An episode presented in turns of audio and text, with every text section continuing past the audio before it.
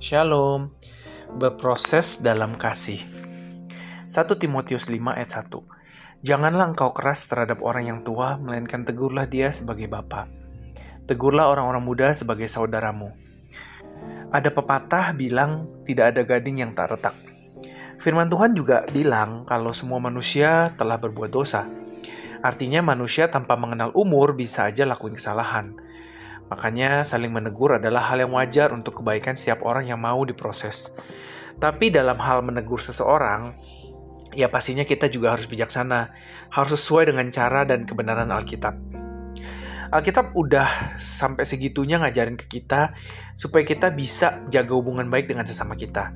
Sekalipun ada hal-hal yang mungkin aja bisa terjadi kesalahan, kita diizinkan untuk menegur dengan tujuan kebaikan bersama. Nah, setiap kita yang ditegur, kita juga harus berusaha untuk jadi orang yang rendah hati. Harus mau terima masukan. Sebaliknya kita yang menegur, kita harus menegur dengan kasih. Nah, dua hal ini sangat penting dalam kehidupan kita, supaya hubungan dengan sesama kita nggak jadi rusak. Balik lagi, semua harus berdasarkan kasih. Jadi nggak ada bagian dari kasih yang rusak atau menjatuhkan. Demikian pula dalam hal menegur. Kita bisa jadi salah satu dari keduanya. Bisa jadi orang yang menegur atau yang ditegur. Intinya adalah bahwa segala sesuatu yang kita lakuin juga untuk nunjukin sikap hati kita di hadapan Allah. Hari ini biar lewat perenungan ini kita belajar sama-sama untuk jadiin kasih sebagai dasar dari setiap hubungan kita. Kenapa kita harus jadiin kasih sebagai dasar dari setiap hubungan? Karena kasih menutupi banyak dosa. Tuhan Yesus memberkati.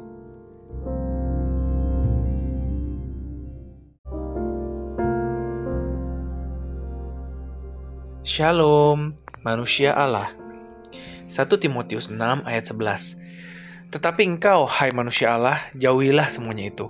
Kejarlah keadilan, ibadah, kesetiaan, kasih, kesabaran, dan kelembutan. Kita mengenal sebutan manusia super, manusia setengah dewa, manusia robot, manusia serigala, dan lain sebagainya. Kata yang ditambahkan setelah kata manusia itu memberikan keterangan atau sifat dari manusia tersebut. Paulus dalam 1 Timotius 6 ayat 11 bilang bahwa kita ini adalah manusia Allah. Arti dari manusia Allah adalah seseorang yang telah dipilih dan ditebus menjadi milik kepunyaannya. Rasul Paulus dalam 1 Timotius 6 ayat 11 menjelaskan bahwa orang-orang yang ditebus menjadi kepunyaan Tuhan harus memiliki sifat-sifat seperti hidup adil, suka beribadah, setia, hidup dalam kasih, penuh sabar dan kelembutan. Tujuan utama kita harus punya sifat manusia Allah tersebut ya supaya kita bisa jadi saluran berkat buat orang-orang yang membutuhkan. Makanya e, karena kita sekarang hidup sebagai manusia Allah, kita perlu menanggalkan manusia lama yang selalu ngikutin kita. Salah satu contoh manusia lama yang harus kita tinggalkan adalah suka buat alasan dan cinta uang. Sebab kebiasaan untuk bikin-bikin alasan dan cinta uang udah menguasai kehidupan manusia dan menjadi musuh yang terberat dalam hidup kita. Makanya Rasul Paulus menasihati dan ngingetin anak rohaninya kalau sebagai manusia Allah atau hamba Allah, Timotius diingatkan oleh Paulus akan beberapa hal penting, yaitu pertama, supaya Timotius mengejar karakter-karakter ilahi dan menjauhi hal-hal yang fana. Kedua, supaya Timotius taat perintah Allah senantiasa. Ketiga, supaya Timotius jaga hidup sesuai dengan kebenaran. Dengan kata lain, Paulus menasihati Timotius untuk mengejar keteladanan rohani dalam menjalankan kepemimpinannya. Hari ini kita harus buat komitmen untuk senantiasa kejar karakter ilahi, belajar untuk taat terhadap setiap perintah Tuhan, juga senantiasa hidup sesuai dengan kebenaran firman Tuhan. Tuhan Yesus memberkati.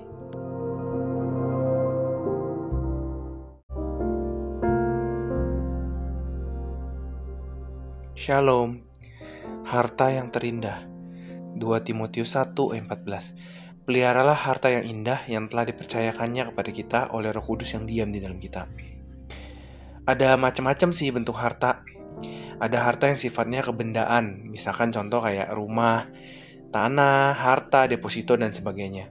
Ada juga harta yang nggak terlihat seperti ilmu pengetahuan, pendidikan, budi pekerti, teladan hidup, dan yang lain-lainnya.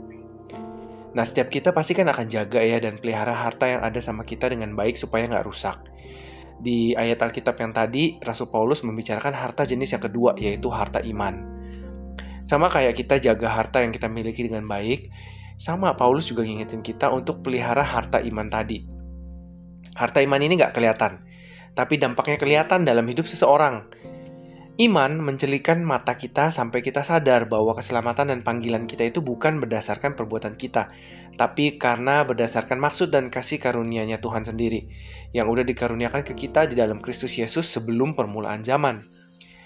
Iman juga uh, menggugah kita untuk mengorbankan, mengobarkan, sorry, mengobarkan karunia Allah, hidup dalam kekuatan, kasih, dan ketertiban, serta gak malu bersaksi tentang Tuhan. Paulus doa supaya Timotius bertekun dalam kehidupan iman tadi. Sebab iman adalah harta yang berharga untuk terus kita jaga dan kembangkan dengan tekun. Paulus tekenin kalau harta iman adalah karya roh kudus yang diam di dalam kita. Makanya gimana cara supaya kita bisa senantiasa memelihara harta iman ini? Yang ada cara lain selain kita persembahkan tubuh kita untuk dipakai oleh roh kudus sebagai alatnya.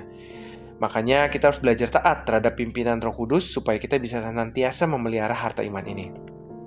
Nah hari ini kita harus belajar untuk membebaskan Roh Kudus bekerja secara penuh di dalam diri kita dengan berusaha tunduk dan mengikuti suaranya yang bekerja di dalam hati nurani kita.